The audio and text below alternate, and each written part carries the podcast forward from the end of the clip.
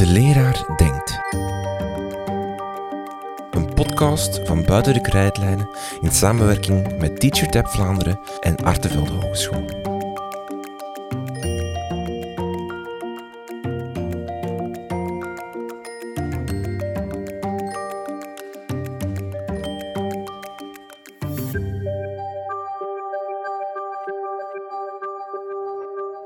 Hallo, ik ben Robbe Wilgaard. Ik ben fulltime leerkracht in het secundair onderwijs. Ik geef daar de vakken programmeren en ook artificiële intelligentie. Verder geef ik ook les aan de Universiteit Gent, eigenlijk vakbegeleider of begeleider bij de educatieve master. We maken daar nieuw lesmateriaal, en je raadt het al, in combinatie met artificiële intelligentie.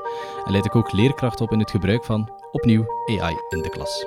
En vandaag denkt de leraar over artificiële intelligentie. Hoe denkt de leraar over artificiële intelligentie?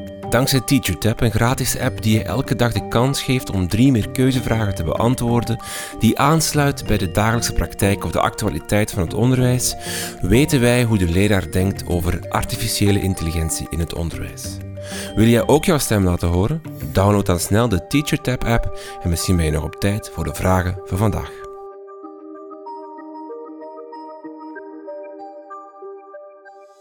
Dag Robbe, welkom in de podcast. Dankjewel voor de uitnodiging. Ja, de vraag die we eerst moeten behandelen of eerst moeten stellen is: wat is artificiële intelligentie? Ja, dat is direct al de moeilijkste vraag, denk ik, van vandaag. Het zal een podcast op zich zijn waarschijnlijk. Ja, eigenlijk wel. Dus we gaan het proberen beknopt te houden, dat die uh, geen duurtijd van een nerdland overstijgt. Ja. Uh, maar het komt neer, het is een onderzoeksveld die al heel lang bestaat. De eerste papers die erover gaan, Alan Turing, 1950 ongeveer, de zomerscholen van McCarthy, 1956. Dus het is niet alsof dat iets gloednieuw is, of dat we daar nu maar een paar jaar mee bezig zijn. Het is al een heel ruim onderzoeksveld. Um, het probleem is een beetje, er is nog geen echt wetenschappelijke definitie. Uh, er zijn heel veel voorbeelden van te vinden in het dagelijks leven, in de bedrijfssector. En ook veel producten die menen AI te gebruiken, waar het niet zo is. Maar er is dus geen echte definitie. De enige die ik misschien wel kan meegeven, is dat autonome en adaptieve systemen zijn die hun eigen handelen eigenlijk kunnen bijstellen, die kunnen bijleren. Systemen die getraind zijn volgens machine learning. Um, maar daar is denk ik de doorsnee gebruiker van deze podcast ook nog niet zo heel ver mee. Het is makkelijker als we echt doorheen de podcast kijken naar concrete voorbeelden uit het dagelijks leven van mensen, of dat ze het in de klas toepassen, want dat schept eigenlijk een duidelijker beeld dan als we hier een uur lang op zoek gaan naar uh, een wetenschappelijke definitie. Maar ik denk dat we er niet gaan uitkomen dan. Is zoiets als, als een computer die tekenen van menselijk denken toont. Ja. Zo, dat, of van menselijke intelligentie toont, die zo een redenering kan opbouwen waarvan je denkt van het is niet A of B, maar hij gaat zelf iets zoeken om tot C te komen, bij zo'n ja, spreken. in feite wel.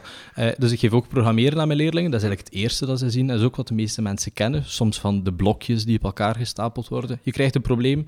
De leerling gaat op zoek naar een oplossing, bouwt een algoritme, schrijft dat uit, vertaalt het naar een programmeertaal, blokjes, JavaScript, Python. En dus eigenlijk de mens schrijft hier de oplossing en bereikt zo de output. Jij bent verantwoordelijk voor het algoritme.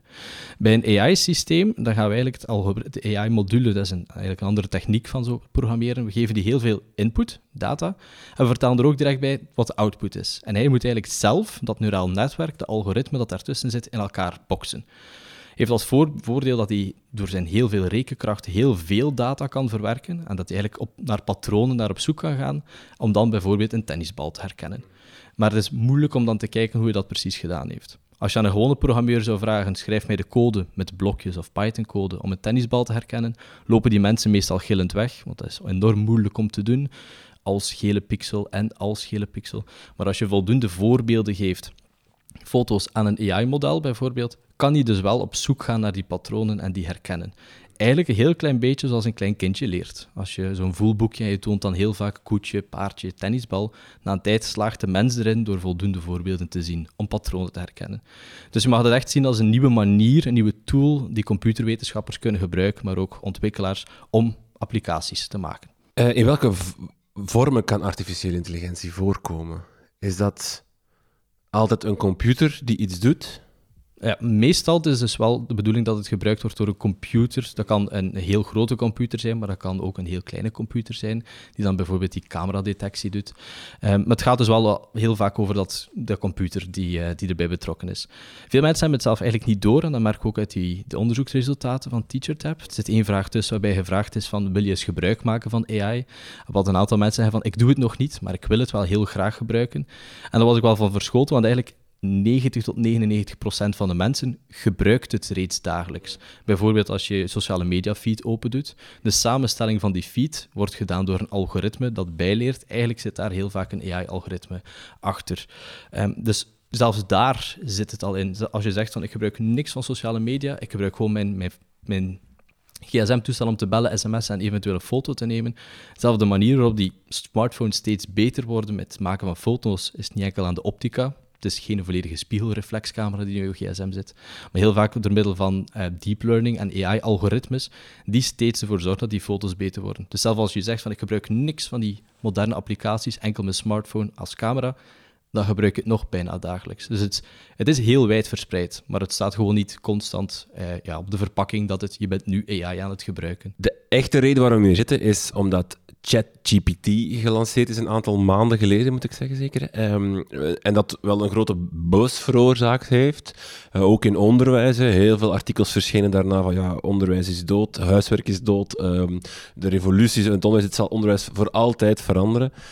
Um, misschien even, we zullen al die vragen gaan we beantwoorden, maar misschien de eerste vraag is, wat is ChatGPT voor de mensen die echt geen idee hebben? Ja, Um, dus ChatGPT is een voorbeeld van een taalalgoritme. Eigenlijk GPT staat voor Generative Pre-trained Transformer. Dus het genereert nieuwe zaken, in dit geval dus tekst. Het is voorgetraind op een gigantische dataset aan uh, tekstbestanden. Later komen we daar wel nog eens op terug op die dataset. En Transformer is eigenlijk de technologie, denk ik 2017, 18 ontdekt door Google, uh, waarbij dat zo'n model eigenlijk kan voorspellen wat het volgend woord of volgend karakter in de zin is. Uh, als je al eens met een smartphone gewerkt hebt met zo'n slim toetsenbord, die zo kan voorspellen wat volgend woord zou kunnen zijn. Het is eigenlijk dat, maar on steroids. Veel krachtiger en het kan eigenlijk steeds het volgende woord voorspellen. Wat het eigenlijk doet, het heeft dus een gigantische bibliotheek aan teksten ingestudeerd. Het heeft op zoek gegaan naar die patronen. Is eigenlijk een soort van associatiespel spelen. Als ik zeg koning, dan zeg jij wellicht of denk jij Filip. Als ik zeg koningin, dan denk jij, aha, Mathilde. Dus die doet eigenlijk een spelletje ook. Stel, hij heeft koning geschreven. Wat is de kans dat het volgende woord bijvoorbeeld Filip is? Die zal hoger zijn, die kans, dan dat het Mathilde is. En zo is eigenlijk zijn, zijn zin en zijn tekst volledig aan het samenpuzzelen. Waar komt nu die, die hele hype vandaan? Want GPT bestaat al langer. Vroeger gingen we zelf in de klas nog aan de slag met GPT-1 en GPT-2. En toen kwam GPT-3 en vroeger was dat 9 op de 10 keer grappig, maar onbruikbaar. En af en toe zat er dan iets goed tussen. En nu is het gewoon 9 op de 10 keer voldoende bruikbaar dat eh, studenten of leerlingen zeggen van ideaal, dat is een heel makkelijke manier om een taak in te dienen. En vandaar dus die, die buzz die we nu voelen. Hè. Want het, is eigenlijk, het ziet eruit als een soort van chatbox. als in, je, hebt een, zoals op, op Facebook Messenger, of, gewoon een balkje waarin jij een vraag kan stellen of, of iets kan typen. En dan antwoordt dat uh, systeem, zal ik maar zeggen, antwoord op jouw vraag of voert uit wat jij vraagt. Dus, en dan kan je bijvoorbeeld vragen, uh, ik moet een, een, taak maken over Godfried van Bouillon. Kan je mij een uh, werkstuk schrijven van 300 woorden waarin je de geschiedenis van Godfried van Bouillon uh, uitschrijft? En dan doet hij dat. Klopt. Uh, ik zou wel eens nakijken of het precies die 300 woorden volhoudt, maar uiteindelijk komt daar wel iets uh, bruikbaar inderdaad uit. En dat is de kracht, nou, het is ontwikkeld door OpenAI en dat hebben ze dit jaar ervoor, voordien ook al gedaan met DALI 1, DALI 2. Dat was ook zo een tekstveld en verder was eigenlijk niks te bespeuren op die website. En dan kon je vragen van, ik wil heel graag een giraf op een motorfiets op de maan en die kon dat dan ook tekenen, waarbij heel veel grafisch vormgevers en kunstenaars al zeiden van wij voelen dit aan als een bedreiging voor, voor ons werk. En de meerderheid van de samenleving zei, goh, schouderophalend, het zal wel. Een jaar later komt die GPT, die ChatGPT bijvoorbeeld, en dan voelt toch de meerderheid aan van, tja, misschien hadden zij wel iets op het spoor. Het is voornamelijk, het werkt in het Nederlands. Ja. Maar ik, ik merk als ik het gebruik dat Engels beter werkt. Ja, zeer zeker. Dat we eigenlijk bij dat stukje bij die pre-trained, die dataset. Het bedrijf heet OpenAI, dat erachter zit, achter specifiek ChatGPT. Want belangrijke noot hierbij, er is meer dan één model. Bing AI gebruikt, is, gebruikt ook een versie. ChatGPT bestaat. Wie weet, wanneer dat deze podcast uitkomt, is er een nieuwe. Er zijn er heel veel. Hè. Als je gaat zoeken, kan je honderden, allee, of, of, zeker op toepassing van, of vertrekkende vanuit die OpenAI uh, API noemt dat dan zeker, ja. zijn er al honderden, duizenden um, uh, applicaties eigenlijk ontwikkeld. Hè? Ja, zeer zeker. Uh, maar dus om het gemakkelijk te houden, gaan we hier gewoon hebben over die ChatGPT van OpenAI. En de bedrijfsnaam klinkt leuk, die OpenAI. En vroeger was het ook de bedoeling dat het onderzoek open ging zijn, maar dat is toch afgelopen jaren wat toch veranderd. Uh, we krijgen heel weinig inzage in welk, op welke dataset eigenlijk dit getraind is. Tot 2019 las ik dat dat dat het getraind is. Ja, tot, tot 2019 of 2021, maar wat Ah, ja, precies de teksten zijn. Dus hij is gevoed Ja. met heel veel teksten. Wij zouden heel graag aan de kant van de computerwetenschappers en onderzoekers weten welke teksten. Is heel moeilijk om te zien. Eh, vroeger bij GPT-2 en GPT-3 had er wel zo een dataset aan webteksten. Beeld u een archief in met allemaal Wikipedia-artikels en krantenartikels en websites. En dat heet eigenlijk Common Crawl. En dat is eigenlijk een machine die graaft op het internet en al die teksten verzamelt en eigenlijk gewoon labelt, dit is een tekst in het Engels, hup, in het archief. Dit is een tekst in het Nederlands, hup, archief. Daarbij konden we toch vaststellen dat bijvoorbeeld van die dataset van Common Crawl bijvoorbeeld 45 of 50 procent Engelstalige teksten zijn. Dus je hebt talen die heel goed vertegenwoordigd zijn. Als we dan kijken naar talen zoals bijvoorbeeld het Spaans, Duits en het Nederlands, zit daar toch wel heel wat minder in. Bijvoorbeeld van het Catalaans zou er blijkbaar in die Common Crawl maar 140 bladzijden zitten. Maar hij slaagt er dus wel in met die kleine dataset om iets te produceren. Ja. Ehm, tot 2019 of 2021, dat zorgt er al voor dat je bijvoorbeeld aan ChatGPT niet gaan, kan vragen. Allee, je kan het wel vragen, maar het gaat niet juist zijn wie er vorige, de laatste ronde van Vlaanderen gewonnen heeft, bijvoorbeeld. Ja, klopt. Dat zal je niet goed- weten. Nee, dat klopt. Eh, zeker als je vroeg eh, afgelopen weken van eh, hoe is het gesteld met de Queen uit de Ja. UK, dan zei je ja, toch wat stilletjes. Klein understatement, maar ondertussen is, is het wijlen Ja. de Queen geworden. Dus ze zoeken wel manieren om dat op te lossen. Dus Maar dat, daar zeg je al iets belangrijk. Hij ant, of hij- het systeem antwoordt wel. het systeem zal antwoorden. Ook al ehm, is het fout, hè? ja. Ook al weet hij het antwoord niet. Hij, z- zegt hij, ik weet het niet? Hij zal dat heel zelden doen. Als hij dat doet van ik weet het niet, ik weiger te antwoorden, is dat heel vaak omdat de mensen bij OpenAI of de ontwikkelaars daar zelf een soort van rem op hebben gebouwd. Die vaak genoeg gezien hebben van oké, ze zijn hier wel een klein beetje aan het lachen met die output, dit is fout, we gaan hier iets op corrigeren. Ehm, maar doorgaans zal hij ehm, feiten heel, of zal hij dingen presenteren als heel feitelijk. Hij vol zelfvertrouwen iets beweren wat niet waar blijkt te zijn. Dat noemen we heel, en dan in vakjargon hallucinaties. Eh, wat dat systeem dus eigenlijk kan doen, is jou iets uitleggen met heel veel zelfvertrouwen, ook al blijkt hij volledig fout te zijn. Je zou dat een klein beetje een mansplainer kunnen noemen op dat vlak. Heb jij ChatGPT of een gelijkaardige AI-tool al uitgeprobeerd? 62% zegt ja, 38% zegt nee. Ehm, dat is... Ik weet niet goed of ik dat nu veel of weinig moet vinden. Ik, ik twijfel erover. Ergens denk ik wel veel, want ik, ik, ja, ik denk dat het nog altijd wel redelijk niche is ergens om, om, om met AI of, of met ChatGPT aan de slag te gaan. Ehm, zeker als we denken dan... Allee, we weten natuurlijk niet wat, er, wat mensen verstaan onder uitgeprobeerd, maar ik denk dat misschien wel heel veel al eens een keer een grappige vraag hebben gesteld of vertel in zijn mop dat ding gedaan hebben, zoals iedereen ook met Siri al eens gedaan Ja. heeft. Maar echt, bij wijze van spreken, concreet, functioneel er gebruik van gemaakt, denk ik dat dat toch nog een stap is, denk ik. Ja, dat klopt zeer zeker. Dat zien we ook als ze dan zeggen van, en dat doen bepaalde bureaus die dat dan bijvoorbeeld meten, van, en die dan claimen van, ah ja, dat is de tool die het snelst gegroeid is in de afgelopen jaren, waar dat TikTok bijvoorbeeld een maand nodig had, of negen maanden om dit aantal gebruikers te bereiken. ChatGPT zat op een maand aan 100 miljoen gebruikers. Dat is een interessante, interessant gegeven natuurlijk. Maar hoeveel van die gebruikers zijn recurrente gebruikers? Hoeveel komt daar terug? En bij hoeveel was dat één keer uitproberen? Het is wel grappig. Ik stuur het dus door naar mijn tante of naar mijn grootmoeder. En komt daarna nooit meer functioneel terug. Dus dat is moeilijk om te zien hoe, hoe het gebruik eruit ziet. Maar ik had inderdaad ook al gedacht dat het iets meer zou zijn dan die 62 procent. Zeker gezien, eh, gezien het publiek dat, dat TeacherTab bevraagt.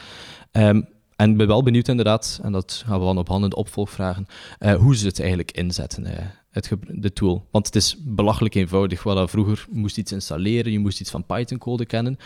Eh, nu moet je met je smartphone naar een website surfen, aanmelden en klaar is Kees. Er is een zoekbalk en via de API kan je het gewoon bijna zelf in je eigen applicatie binnentrekken op vijf lijnen code. Het is belachelijk toegankelijk geworden, de technologie. Eh, als we vragen aan leerlingen of dat zij het al gebruikt hebben voor schoolwerk, dan zien we dat 41% zegt van... ehm, eh, nee, sorry, de vraag is gebruiken jouw leerlingen. Dus de vraag is, want leerlingen worden niet bevraagd, ben mis. Dus of dat leerkrachten denken of dat leerlingen eh, ChatGPT gebruiken voor hun schoolwerk, dan denkt 41% van niet. 23% denkt van wel, 4% is er zeker van. En 9% die weet dat het niet zo is. Ehm, en 23% weet dan weer niet wat ChatGPT is. Ehm, we zien dus eigenlijk een meerderheid die eigenlijk denkt van het wordt nog niet gebruikt. Ja, de Oh. paar interessante zaken aan die grafiek. Ehm, die groep mensen die niet weten of niet nog nooit gehoord hadden van ChatGPT, daar wil ik gerust wel eens een pint mee gaan drinken en vragen hoe hebben jullie dat klaargespeeld? Vertel me jullie geheim. Ehm, maar het interessante is inderdaad ehm, de mensen die, eh, de leerlingen die er wel mee aan de slag gaan. Ik denk dat er onder die grafiek zowel mensen zitten uit, uit, het onderwijs, docenten en leerkrachten, uh, die zowel aangeven, mijn leerlingen gebruiken het ten goede, maar ik denk dat er ook wel een percentage in zit die meent dat uh, de leerlingen hebben een casussen, waarbij dat de tool gebruikt wordt, eigenlijk oneigenlijk gebruikt. Dat een taak werd opgegeven, taak werd ingediend en nadien blijkt je vast te stellen van, tja, die jongen zijn schrijfniveau is precies vijf jaar gestegen plotseling, wat is er hier aan de hand? En dat er onder die grafiek ook wel oneigenlijk gebruik van de tool in zit. Ehm, en dat dat ook wel, uh, ook wel daarin, daarmee speelt. Want kan je het echt al functioneel gebruiken in het Nederlands? Ja, je kan het wel functioneel gebruiken in het Nederlands. Uh, ik denk dat je wel een beetje de, de, verwachtingen moet temperen als het dan gaat rond um, wat, eh, wat, welke kwaliteit komt daar ook uit. Hij is ook getraind op een kleinere dataset als het gaat over het Nederlands versus het Engels. Je merkt een prestatieverlies. Je merkt ook als je aan 60 leerlingen vraagt van schrijf nu eens een opdracht over bijvoorbeeld uh, klimaatopwarming en of een, bepaalde, een bepaald vakbegrip, uh, dat er daar wel een, eenzelfde soort woordenschat bij komt kijken. Zijn dataset is zo net iets te klein om telkens een gevarieerde tekst te publiceren ik vraag me wel af, ik vraag me af, is dat gewoon iets van tijd? Het feit dat dat Nederlands niet mee is? Ja, wat je ziet of is... blijven we er altijd in achterlopen, omdat wij zo'n klein taalgebied zijn? Ja, daar zitten we dus sowieso aan dat die modellen werken met heel veel data en dat de data beschikbaar voor het Nederlands of het Nederlandstalige teksten online minder zijn in aantal, zit je daar sowieso met een, met een handicap, we gaan het zo zeggen. Uh, wat je wel merkt, is dat die ontwikkelaars daar een, een mouw aan proberen aanpassen, want we zeggen van de dataset is, van Nederlands is kleiner versus die van Engels. Er is ook een cut-off point, hij is niet bijgestudeerd sinds 2021 of 2022. Hij heeft niet de actuele informatie mee. Wat ze dan wel kunnen doen, is een verbinding zoeken met bijvoorbeeld een zoekmachine. Dat is wat Microsoft gedaan heeft met Bing AI, waarbij als je dan in een prompt die vraag dan bijvoorbeeld stelt van geef mij nu een feitje over um, Greg van Avermaat bijvoorbeeld, dan gaat hij op twee sporen werken. Hij gaat standaard genereren, wat wij verwachten van zo'n model. Hij zal ook Bing aanschrijven en, zeg, en vlug zeggen van kom, geef mij vijf of geef mij tien artikels. En zal die vlug parafraseren, die samengooien en je eigenlijk een synthese geven van wat actueel is op de zoekmachine en wat hij zelf gegenereerd heeft. Dus zo proberen ze daar wel op hun manier een mouw aan, aan te passen. Dat wil niet zeggen dat daarmee alle problemen rond is hij mee met de actualiteit zegt hij dan nog enkel feitelijke informatie. Het is niet dat daarmee, dat is geen wonderoplossing voor het systeem. Maar ze zoeken wel naar mogelijkheden om daar toch iets aan te doen. Vind jij het nodig om in de klas te experimenteren met tools zoals ChatGPT? Is een vraag die ook gesteld werd. En daar zien we grote verdeeldheid. 48% zegt ja, 52% zegt nee. Je, voelt dat er een aantal mensen zijn die zeggen: Nee, dat, interesseert me niet, ik ga me daar niet mee bezighouden, jongens. Uh, dat is. Uh, en, en misschien vraag 1, vind je het opvallend dat het zoveel mensen zijn die zeggen nee? Ik vind dat eigenlijk 50-50 wel nog vrij veel is die wel hmm. zegt van ik wil daar wel mee ah, experimenteren. Eh, want soms is het echt wel zoeken naar, naar een casus. Hè. Als je, als, ik kan wel inbeelden dat mijn collega's lichamelijke opvoeding ook wel zeggen van alright, uh, hoe gaan we dit nu gebruiken als we het dan toch zouden moeten doen? Hoe gaan we dit nu toepassen in de klas? Uh, dus voor sommigen is het ook wel nog echt zoeken naar wat kan een taalmodel eigenlijk betekenen voor ons of bij, in onze vakcluster. Um, maar je kan daar dus wel nog steeds eh, dingen mee doen. Ik heb, al, ik heb een, eh, een collega die ook een handbalcoach is, die dacht van, ga eens gewoon een basis trainingsschema genereren en zet dat dan ook in tabelvorm en zet erbij welke spiergroep dat wij trainen en hoeveel tijd dat we daaraan spenderen. En dat systeem kan dat ook al genereren. Nu, het is geen sportcoach, dus sommige tijden of sommige spiergroepen die je daarbij plaatst, daar laat je toch best eens de human in the loop, die daar toch eens naar kijkt, maar je kan daar dus wel zaken uithalen. Dus ik was wel verschoten dat het wel 50-50 was. Ik dacht dat de, gezien de krantenartikels die we ook hebben zien passeren van uh, onze leerlingen gaan dommer worden, ze gaan niet meer kunnen schrijven. Het dramatische dat we gezien hebben de afgelopen weken en maanden, dacht ik dat het de groep die wou, of die, die, ziet zitten om te experimenteren, kleiner ging zijn. Okay. Want er is geen ontkomen aan, hè? Denk ik. Denk, wat je net vertelt, ook het feit dat Microsoft, Google gaan het allemaal integreren, het, het kan niet uit de klaslokaal gehouden worden. Misschien nu nog wel, zeker op... Allez, ik geef les in tweede middelbaar, ik ben er vrij zeker van dat mijn leerlingen het nog niet gebruiken. Misschien ben ik oeverloos naïef, kan. Um, maar ooit gaat het wel komen. Je denkt inderdaad dat het, um, net zoals bijvoorbeeld Wikipedia, hmm, Google Translate, DeepL, dat leerlingen zich daar wel een weg naar zullen vinden, dat we het niet gaan gewoon gaan karma kunnen verbieden, gaan kunnen weghouden uit het klaslokaal. Anderzijds, en dat zie je ook wel doorheen de geschiedenis van zo'n innovatieve, educatieve technologie, eh, wordt de soep meestal zo wat heter opgediend dan geheten. Eh, we zagen nog vroeger de protesten tegen, en zeker in de VS, tegen de zakrekenmachine en dat dat helemaal niet kon in de klas. Ze gaan niet meer kunnen rekenen. Uh, de televisie in de klas, waar men zei van we kunnen 40, 50 leerlingen voor de televisie zetten en de leerkracht kan dan in de leraarskamer blijven. En we zijn denk ik 40, 50, 60 jaar later en we staan daar dus nog, jij en ik, voor de klas gewoon les te geven. Dus het idee van de leerkracht kan vertrekken, we gaan GPT in de plaats zetten. Ehm, dat zal bijvoorbeeld ook niet gebeuren. Er zal wel een, weg tussenin gevonden worden, net zoals dat met al die voorgaande technologieën in het onderwijs gebeurd is. Hoe in, ingrijpend is het dan? Ik vind het toch wel een, een, een vrij ingrijpende tool dat zoiets mogelijk is en zo toegankelijk is. Uh, en dat eigenlijk zowel leerkrachten als leerlingen op veel manieren kunnen inzetten. Ehm, aan de kant van de leerkrachten bijvoorbeeld genereren van een, een soort van jaarthema of een maandthema, voor het lager onderwijs. Als je zegt van, ik zoek een verhaaltje om mijn lessen aan op te hangen gedurende deze maand, en je zit eventjes met een writersblok of dergelijke, kan je daar misschien wel een aantal vragen aan stellen. Geef mij er drie of vier, en jij als mens selecteert dan een betere of een beste daarvan. Kan een voorbeeld zijn. Um, als er de, de, zevende leerling op rij bij mij komt vragen, meneer, ik heb nog een vraag over deze programmeeroefening, om die leerling te helpen te remediëren aan versterking of aan verdieping te doen of uitbreiding, dan kan ik ook bijvoorbeeld aan dat GPT-toestel vragen aan die, aan machine van kijk, dit zijn mijn vorige oefeningen, ik kan die meegeven met mijn prompt. Wil je op basis van mijn vorige oefeningen, dus in de stijl van mij, een nieuwe oefening genereren voor die leerling? En dat genereert hij ook. De leerling kan dat ook gerust toepassen. Die kan bijvoorbeeld zeggen van, oké, we hebben die termen gezien bij de les geschiedenis, schrijf me nu eens een opstel tien zinnetjes, waarbij dat je die termen zeker gebruikt. Zo'n klassieker examenvraag. En dan is het aan de leerling om die termen eens aan te duiden in de tekst en na te gaan van, hola, ik vroeg het drieslagstelsel en dat systeem legt dat wel uit, maar dat, dat lijkt er helemaal niet op. Die uitleg klopt helemaal niet, feitelijk. Dan is aan de leerling om eens af te toetsen van, is dat hier wel juist? Dat veronderstelt dus wel vakkennis aan de kant van de leerling. En in tegenstelling tot zo de drama in de media van ze gaan niks meer moeten kennen, je hebt wel die kennis nodig om kritisch naar die output te kijken. Dat was een zeer Um, denk, het is bij een feed verschenen, uh, geruchtmakend opiniestuk, de, de essay is dead, dat, dat rondging. Is dat zo? Is het, is het essay, het, het, schrijfstuk, is dat zoals we het nu kennen? Als in, je geeft, schrijf een, een, een werkstuk over um, de democratie in Athene van zoveel jaar voor Christus. Is eh, schrijf daar een bladzijde over. Is dat echt dood? Ik denk, de, de, wat het wel doet, de tool, is uh, ons als docent is kritisch laten kijken naar zo bepaalde taken die we vroeger iets te courant gegeven hebben. Een voorbeeld daarvan is bijvoorbeeld, de leerling krijgt een opdracht in de vakantie vlak voor de vakantie ga op museumbezoek. Ik wens of ik vraag aan jullie leerlingen van schrijf me nu eens een opstel over dat museumbezoek of over dat museum en dien dat in na de vakantie. Jullie moeten dat tijdens het verlof dan eigenlijk doen. En leerlingen denken dat heel vaak, ik heb daar helemaal geen zin in. En zij doen dat dus thuis met een GPT-toestel. En dan zie je, ja, oké, er wordt iets ingediend, maar er is dan niet echt een leerproces uh, aan te pas gekomen. Um, dus dat wil je eigenlijk proberen vermijden. En het, het dwingt ons als docent dus om eens kritisch te kijken naar zo'n vraagstelling. Dus wat je wel kan doen, en meestal als een docent of een collega mij komt vragen van ja, ik heb die taak gegeven en ik vermoed dat er schoemelaars tussen zitten, is het eigenlijk al een beetje te laat. Uh, ga je eens moeten kijken naar hoe wil ik, of hoe kan ik die opdracht wel nog geven. Die opdracht als in Schrijf een synthese, leg argumenten uit, zorg dat je alinea's een hoofdgedachte hebben en aan elkaar gelinkt zijn. Dat je die dingen wel nog kan doen samen met de leerlingen. En dan is het eigenlijk een kwestie van, doe dat misschien beter in de klas. Als je dan merkt dat het is te laat, dat hebben een, leerling, hele groep leerlingen eh, dit zo vals gespeeld dan, of oneigenlijk gebruik van de tool. Um, trek drie oefeningen daarvan binnen.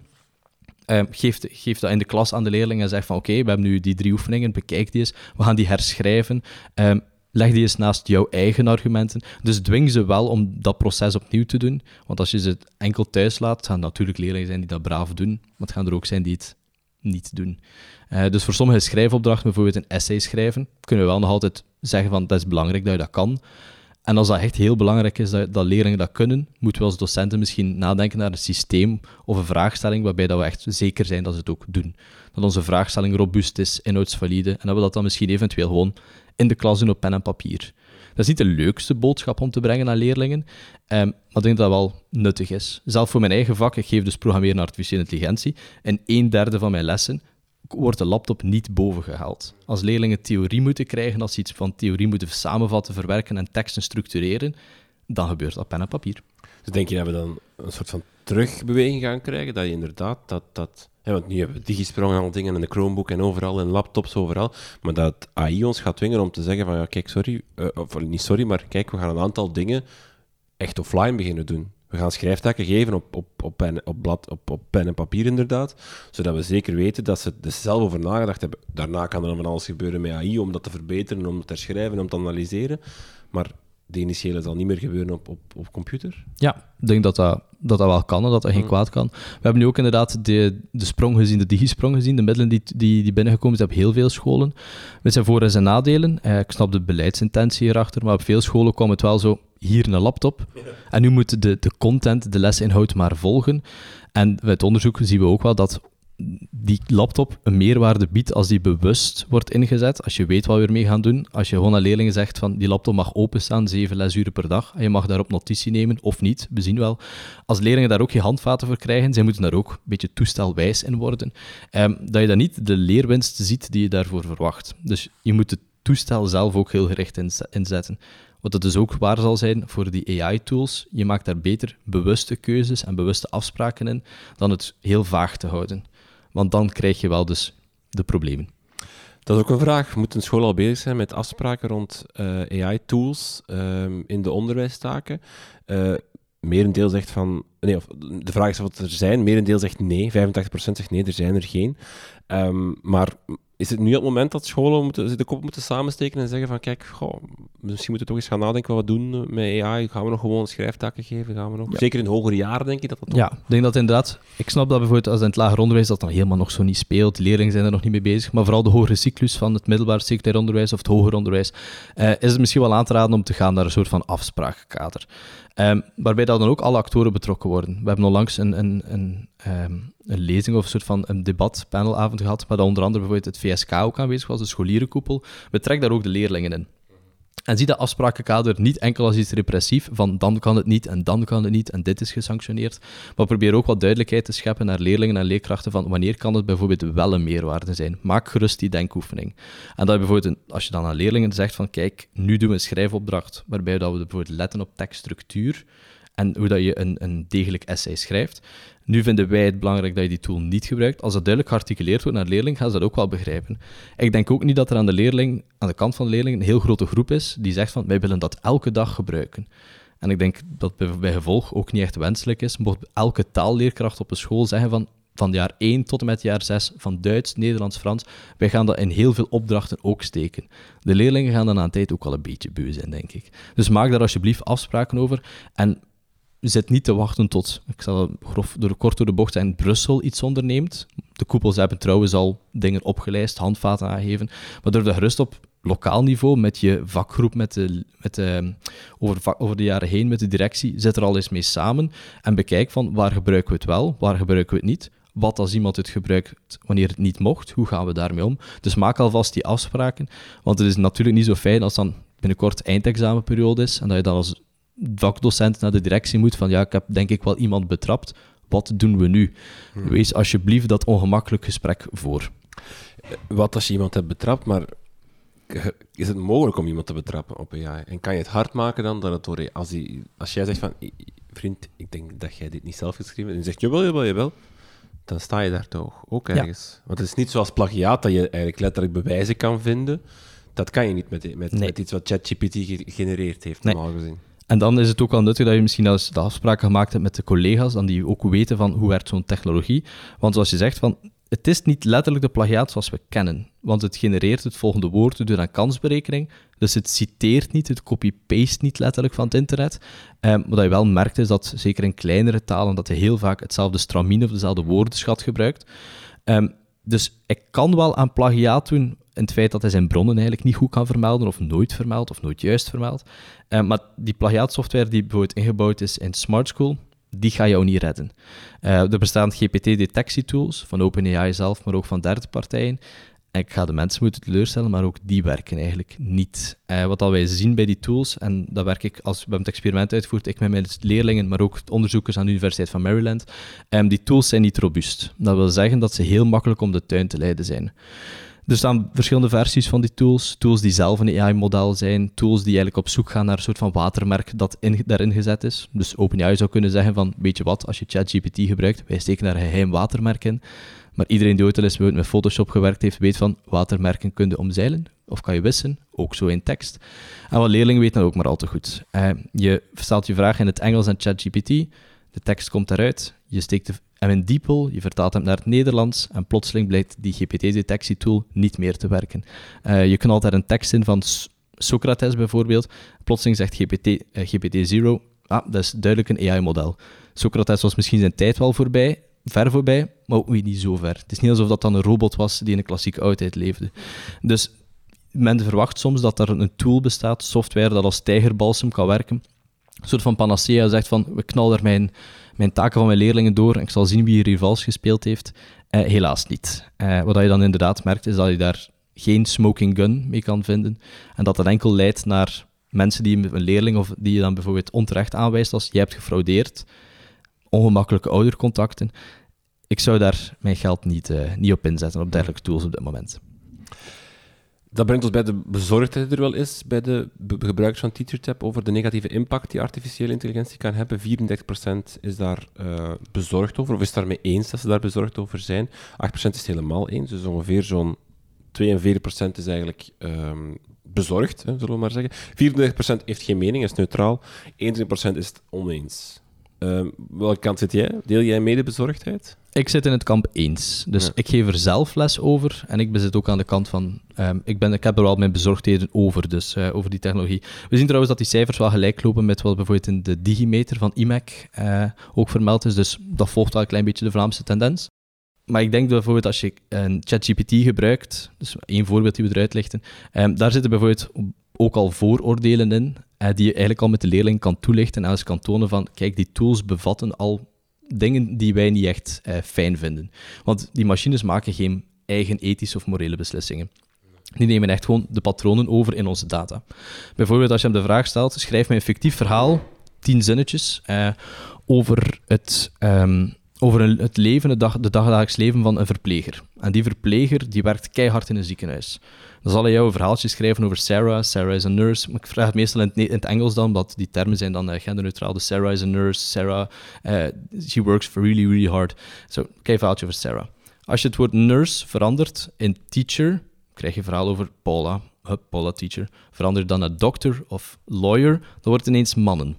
Terwijl dat er nergens in mijn initiële prompt, initiële vraag, een indicatie is van dat ze wel eens een man of vrouw kunnen zijn, puur op basis van zijn associatie. Hij denkt, ah ja, verpleger, dus vrouw, dokter, dus man.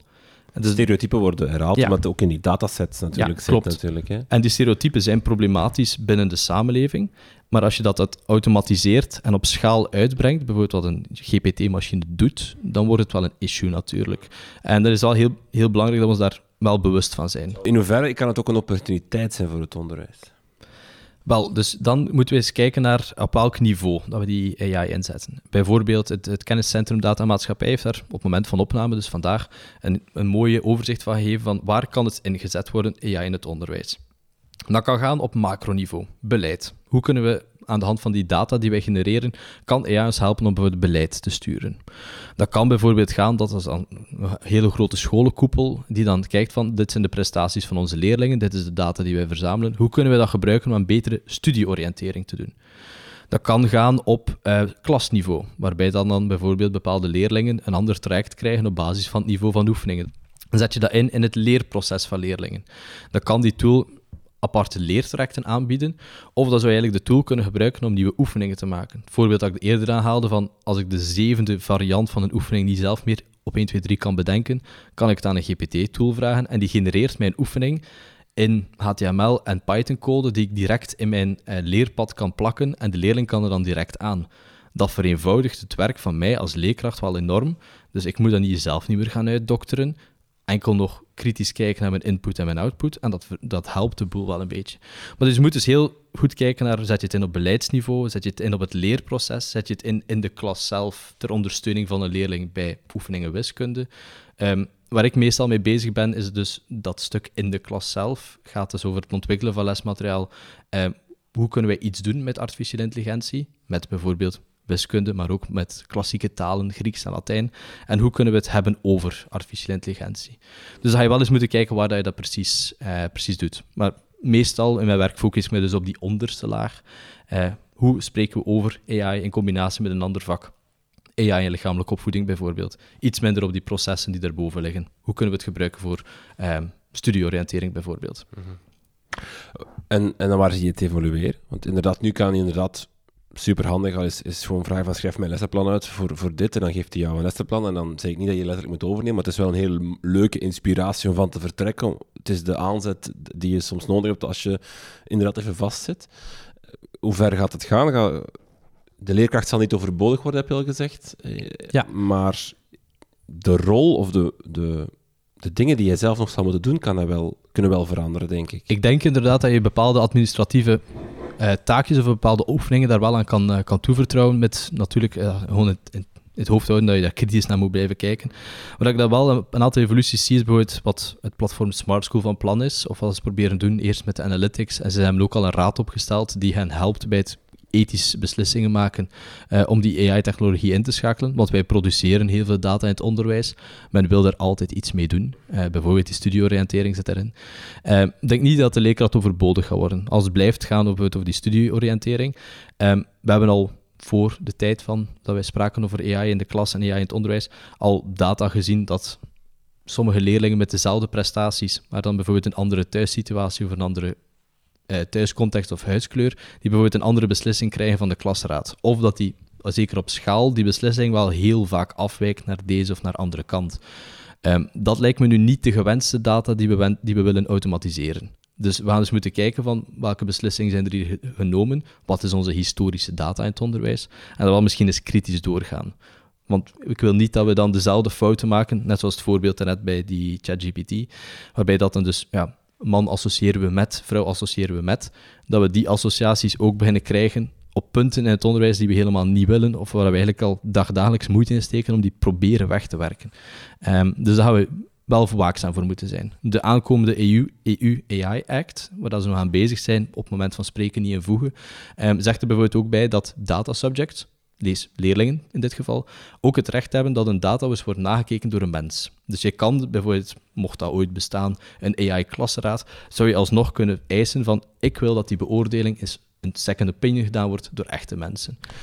Is dat niet waar het misschien naartoe gaat? Is dat, dat AI een basis zal genereren waarin dan een mens nog over gaat, maar bijna een soort van controlefunctie over gaat doen. Dat we AI-klasseraad gaan hebben, dat hij bij een sprekenklasseraad al die punten ziet en, en een adviezen schrijft en dat daarna dan uh, een groep mensen of een mensen die eigenlijk allemaal is controleert, is even en nog de menselijke toets aan toevoegt, dat een AI-machine oefeningen genereert dat er nog een menselijke hand even checkt van zijn dat eigenlijk allemaal deftige oefeningen, dat een AI leertrajecten uitschrijft en dat daarna nog een menselijke hand misschien bijstuurt of zegt van ja, dat is hier niet goed of dat, dat zou ik toch anders doen. Dat, dat, we naar zoiets gaan dat je als... Ik denk inderdaad dat die beweging naar daar zou kunnen gaan. Um, waarbij dat we dus wel moeten opdelen wat is nu een low-stakes toepassing het genereren van een nieuwe oefening is vrij low stakes. Het uitspreken van de beslissing op een klasraad is vrij high stakes. Dat bepaalt wel een hele stuk van je leven. Zeker van je jonge leven, maar, leven, maar ook daarna. Um, dus ik denk dat we, dan, dat we daar in die richting wel gaan evolueren. evolueren sorry. Um, maar dat we dus wel met stijgende mate wel kritisch voor gaan moeten zijn. En steeds op die punten die wel levensbepalend zijn. Beslissing van een klasraad. Maar dingen die nu al bestaan. Het evalueren van cv's. Het monitoren van een interview van, een, van, van een, aanwerving, dat we daar toch best wel de human in the loop laten om die kritische beslissingen te nemen. Mhm. Wordt de job dan minder creatief? Als het meer controlerend wordt, als, als het creatieve werk gedaan wordt door, door, door, door zo'n AI-model, dat namelijk gaat bedenken wat jij kan doen. En dan kan jij zeggen nee, ja of wat bijsturen. Maar dat eigenlijk het, het creatieve door, door het systeem gedaan wordt?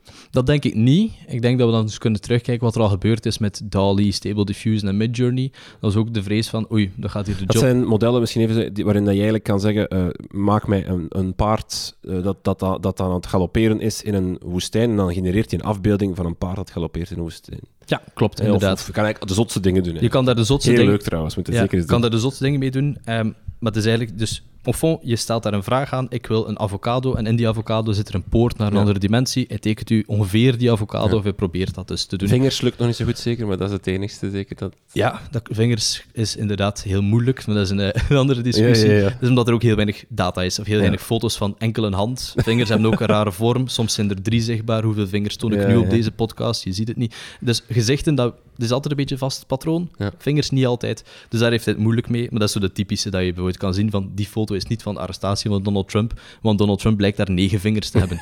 dat is misschien een weggever. Check the fingers. Ja, inderdaad, op dit moment wel. Maar dus die tools zijn uitgekomen, ook met heel veel poeha van oei, we gaan hier alle creativiteit weg uh, doen door computermodellen. En dat is niet gebeurd. Uh, er is wel nog altijd vragen rond van hoe zit het met auteursrecht, prive, auteursrecht, hoe doe je aan um, goede bronvermelding met die tools.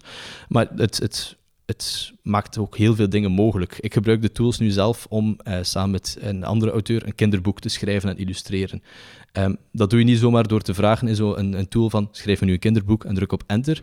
Maar als je dat herwerkt, herkoudt, kritisch naar kijkt, in zijn Photoshop trekt, um, opnieuw aanwerkt, krijg je dat, kan dat wel eens een boost geven aan de creativiteit en maakt dus zo'n aantal dingen meer toegankelijk. Meer, het democratiseert een heel aantal stukken. Vroeger hadden we dat ook met ehm, de fotografie, die meer toegankelijk werd. Van fototoestellen zijn uh, betaalbaar voor de gewone mens, tot Instagram, waar men zei van oei, nu zijn alle fotografen, uh, we kunnen die wegdoen, want iedereen met zijn smartphone kan een foto nemen. Wat is er weggegaan? Zo die point-and-click simpele fotocamera's. Maar een goede huwelijksfotograaf of een goede kunstfotograaf bestaan er nog altijd. Um, dus opnieuw, denk niet dat het volledige categorieën of volledige stukken zal wegvagen. Ook niet, uh, want rond, nu, nu inderdaad rond Stable Diffusion en, en met Journey was er inderdaad paniek, of, of bij, de, bij de visuele artiesten. Nu krijg je het een beetje bij de schrijvende, de, schrijvers eigenlijk, want je kan eigenlijk aan zo'n ChatGPT vragen, schrijf mij een tekst en schrijf die in de stijl van Tom Lanois. Op zich, allee, dat zal nu moeilijk zijn in het Nederlands, maar in het Engels kan het al perfect dat je zegt van schrijf het in, in, de, tijd, in, in de schrijfstijl van, van Dickens of van een andere bekende Amerikaanse of Britse schrijver. En dan gaat hij dat eigenlijk vrij goed doen al. Ja, um, dat is een leuke oefening trouwens voor de taalleerkrachten die luisteren, maar ook voor de beeld- of esthetica-leerkrachten. Je kan dus vragen, schrijf mij een tekst in de stijl van Shakespeare, uh, teken mij iets in de stijl van um, Van Eyck, en dan kan je op zoek gaan naar die kenmerken van die schrijver of van die kunstenaar, op voorwaarde dus dat die leerlingen die kennis hebben. En kan je die dus eigenlijk gaan proberen opsporen. Wat je wel merkt, en zelf, uh, een, zelf een millennial, vroeger als jongere vaak luisteren naar Linkin Park bijvoorbeeld. um, die brengen nu met 20 jaar uitkomen van, uh, 20 jaar release van het album Meteora een aantal nieuwe nummers uit, waarbij dat de videoclips gegenereerd zijn door zo'n AI naar videomodel. En ze hebben dat dan laten trainen op de vorige, vorige clips. En je ziet, of je, je ziet wel een echo van vroeger, maar het is niet hetzelfde je merkt dat er, dat er toch wel iets ontbreekt. Maar zij gebruiken dus AI-systemen om die volledige videoclips opnieuw te doen. Dat lukt nu niet meer, omdat ja, voor de mensen die niet volledig mee zijn met de historie van Linkin Park, zoals de meeste, um, de leadzanger is overleden. Um, dus um, dat gaat nu niet meer. Maar ze hebben dus nog oude recordings teruggevonden. En daarop, op die basis, of daar gebruiken ze wel een AI-model voor. Maar je ziet gewoon, het is niet hetzelfde. Uh, ik denk dat er ook een heel aantal mensen aanstoot zouden nemen, mochten we zeggen van een AI-tool kan zelf iets creatiefs schrijven kunnen daar de discussie van doen. Is een gedicht creatief omdat de computer het geschreven heeft? Of omdat de mens het geschreven heeft met heel zijn achtergrond? Bijvoorbeeld, ik zeg maar iets cliché, traumatische jeugd, dat je dan ook voelt ja, ja. In, in, die, in die verse van dat gedicht. De computer is daar, eh, zal dat niet toe in staat zijn. Die kan wiskundig wel bepalen dat een AB, AB-rijm misschien leuk is. Maar of dat dan echt creativiteit is, Goh, dat is wel een leuke oefening, denkoefening die ik ook doe met, uh, samen met de leerling, waarbij dat we dan, we leren dan werken met Python, we gebruiken dan een AI-tool en dan maken we dan bijvoorbeeld een nieuwe catalogus op basis van hun code en hun prompts. En we doen die volledig in de stijl van IKEA. En dat lijkt alsof dat je een IKEA-catalogus vast hebt, totdat je eventjes heel goed kijkt. En dan merk je dat die stoelen zo een poot te weinig hebben. En dan valt het een klein beetje uit elkaar. Um, maar dat toont wel een klein beetje wat zo de grens, of hoe vloe de grens nu is tussen zo menselijke creativiteit, robotcreativiteit, en wat je samen kan, kan bereiken. Mhm. Dat, het, het, prompting is, is ook echt een kunst op zich. Hè. Het is daardoor dat je heel veel, dat je echt AI of, of ChatGPT bijvoorbeeld echt kan laten meerwaarde zijn, is als je goede prompts schrijft. Hè. Als, je, als je daar echt mee gaat spelen, als je dat ook een paar keer probeert en, en, en je manier van de, de, de, de adjectieven die je gaat gebruiken, als je daarmee gaat spelen, kan je echt wel beter dingen genereren dan als je gewoon schrijft, schrijf mij een werkstuk over puntje. Als je dan daar nog dingen aan toevoegt, schrijf mij een historie, zo'n dingen, kan je echt wel betere dingen krijgen. Ja, dat is ook belangrijk als je dan eens teruggaat naar de afsprakenkader of ons met de leerkrachten geschiedenis samenzit en dan stond van, wat is het verschil als ik nu vraag, schrijf mij een opstel van tien zinnen over um, de middeleeuwse samenleving in Europa. Punt. Die zal dat wel doen en er komt daar wel iets uit. Um, en we doen dat nu eens opnieuw. En ik zeg van, um, schrijf me nu eens een opstel over die middeleeuwse samenleving. Um, moet een tekststructuur hebben. De inleiding begint zo, het midden daar zit zo in elkaar en het slot start met deze woorden. Hij moet die begrippen uit de les gebruiken. Uh, en dan genereer vijf zo van die teksten, niet zomaar één. En dan zie je wel dat daar steeds betere dingen uitkomen, naarmate leerlingen dus hun prompt meer doorspekken met eh, omschrijvingen, met kernwoorden, eh, die misschien al eens een aantal eerdere stukken meegeven. Want als je gewoon aan ChatGPT vraagt, geef mij een stukje poëzie, dan zal hij wel iets geven. Eh, als je hem drie, vier van die poëziestukken op voorhand geeft en zegt van, je hebt er hier nu vier als basis, gebruik die vier om de volgende te genereren, wordt je prompt beter. Uh, ben je op zoek naar een, een, nieuwe inspiratie van een godendialoog, eentje tussen Zeus en, en, Hera, waarbij dat Zeus alweer een scheve schaats gereden heeft en Hera was alweer boos. Weet je wat, knal er dan een aantal dialoogjes in en zeg ervan, kijk, dat zijn mijn twee protagonisten, Zeus en Hera. Um, zo zit de situatie in elkaar en tegen het einde van het dialoogje wil ik dat dit veranderd is. Dat bijvoorbeeld Hera nog bozer is en dat ze Zeus gaat verlaten, dat er een soort van eindpunt in zit. En uw eindresultaat is veel beter dan gewoon de vraag: schrijf mij golden dialoog tussen Hera en Zeus.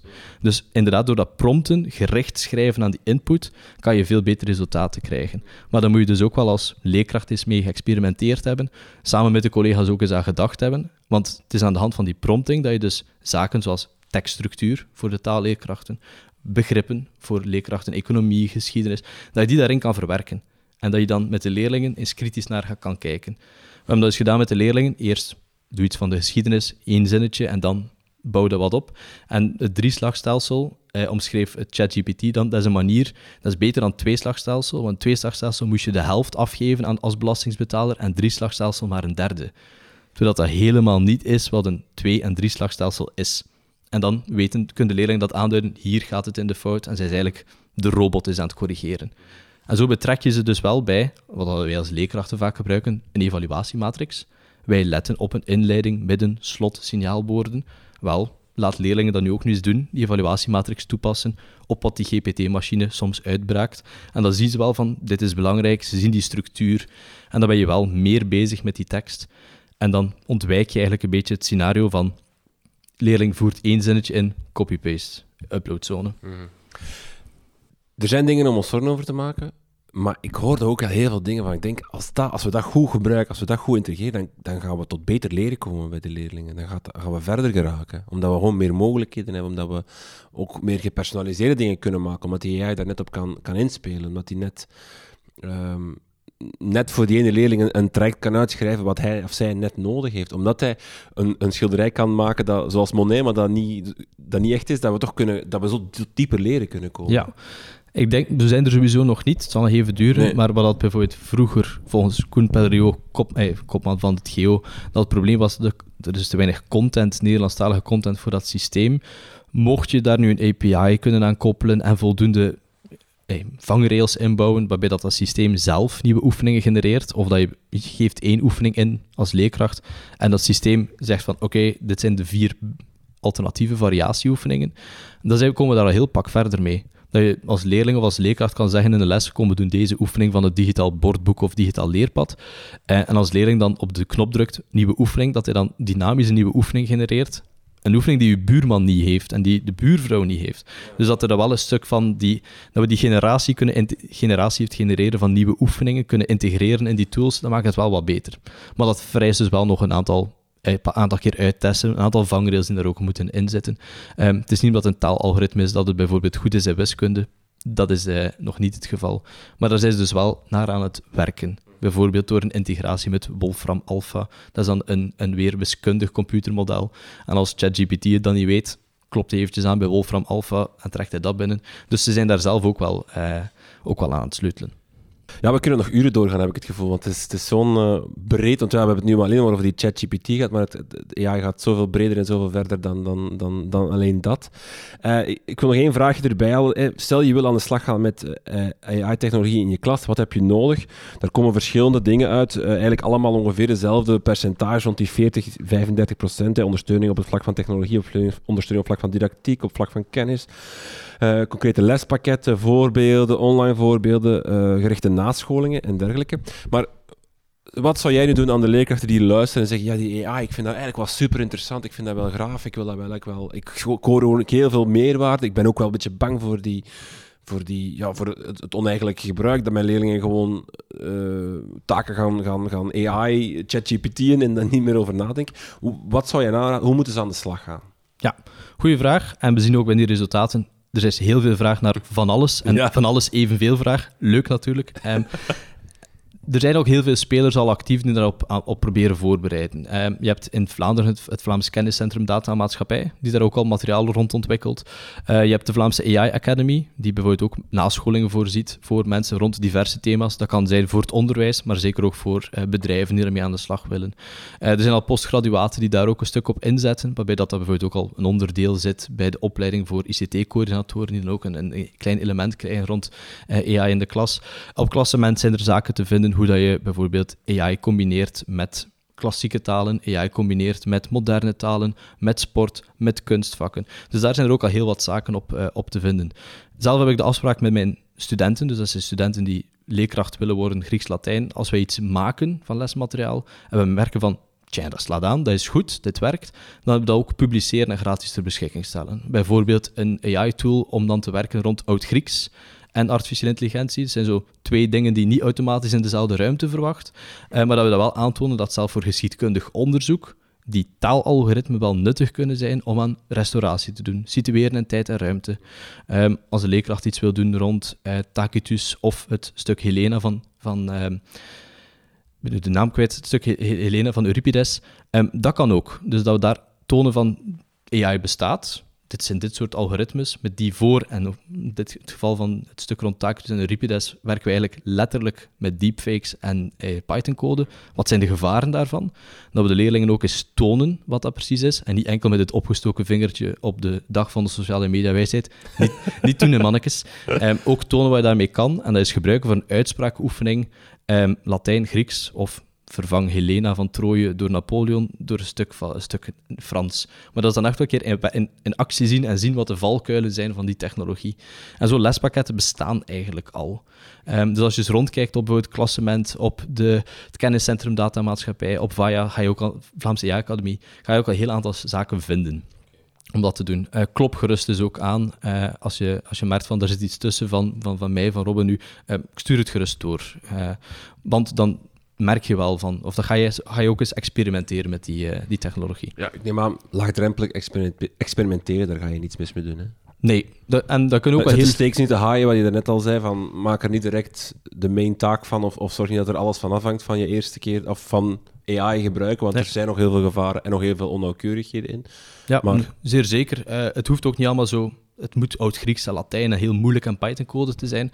Uh, ik herinner mij nog opdrachten, en dat is ook een project dat wij doen met lagere school, waarbij dat je zo een kledingstuk moet maken uit krantenknipsels, zo een jurk, en als je dan, je geeft die leerlingen 20 minuten, plakband en een schaar en uh, they go loco. en dan als je dan zegt van, kijk, we gaan nu dat gebruiken als foto en we zetten gewoon in die beschrijving van, ik wil daar nu een hele mooie blauwe, ultramarijnblauw en gele jurk van. Dat zijn ook de kleuren die je dan terugvindt in de werken van Vermeer, toevallig. Um, dan tekent hij dat precies op dat kledingstuk en dan komt je kledingstuk tot leven. En dat geeft wel een serieus effect als je dan die lagere, lagere schoolklas doet van kijk, we hebben dat nu geknutseld, gekke jurk uit krantenknipsels, en dat komt er wel iets uit.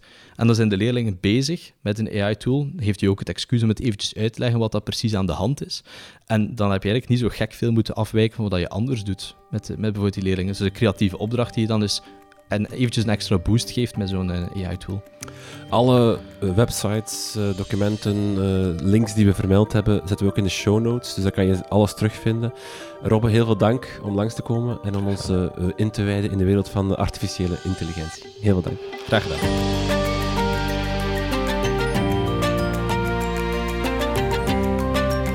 De leraar denkt. Een podcast van Buiten de Krijtlijnen in samenwerking met TeacherTap Vlaanderen en Artevelde Hogeschool.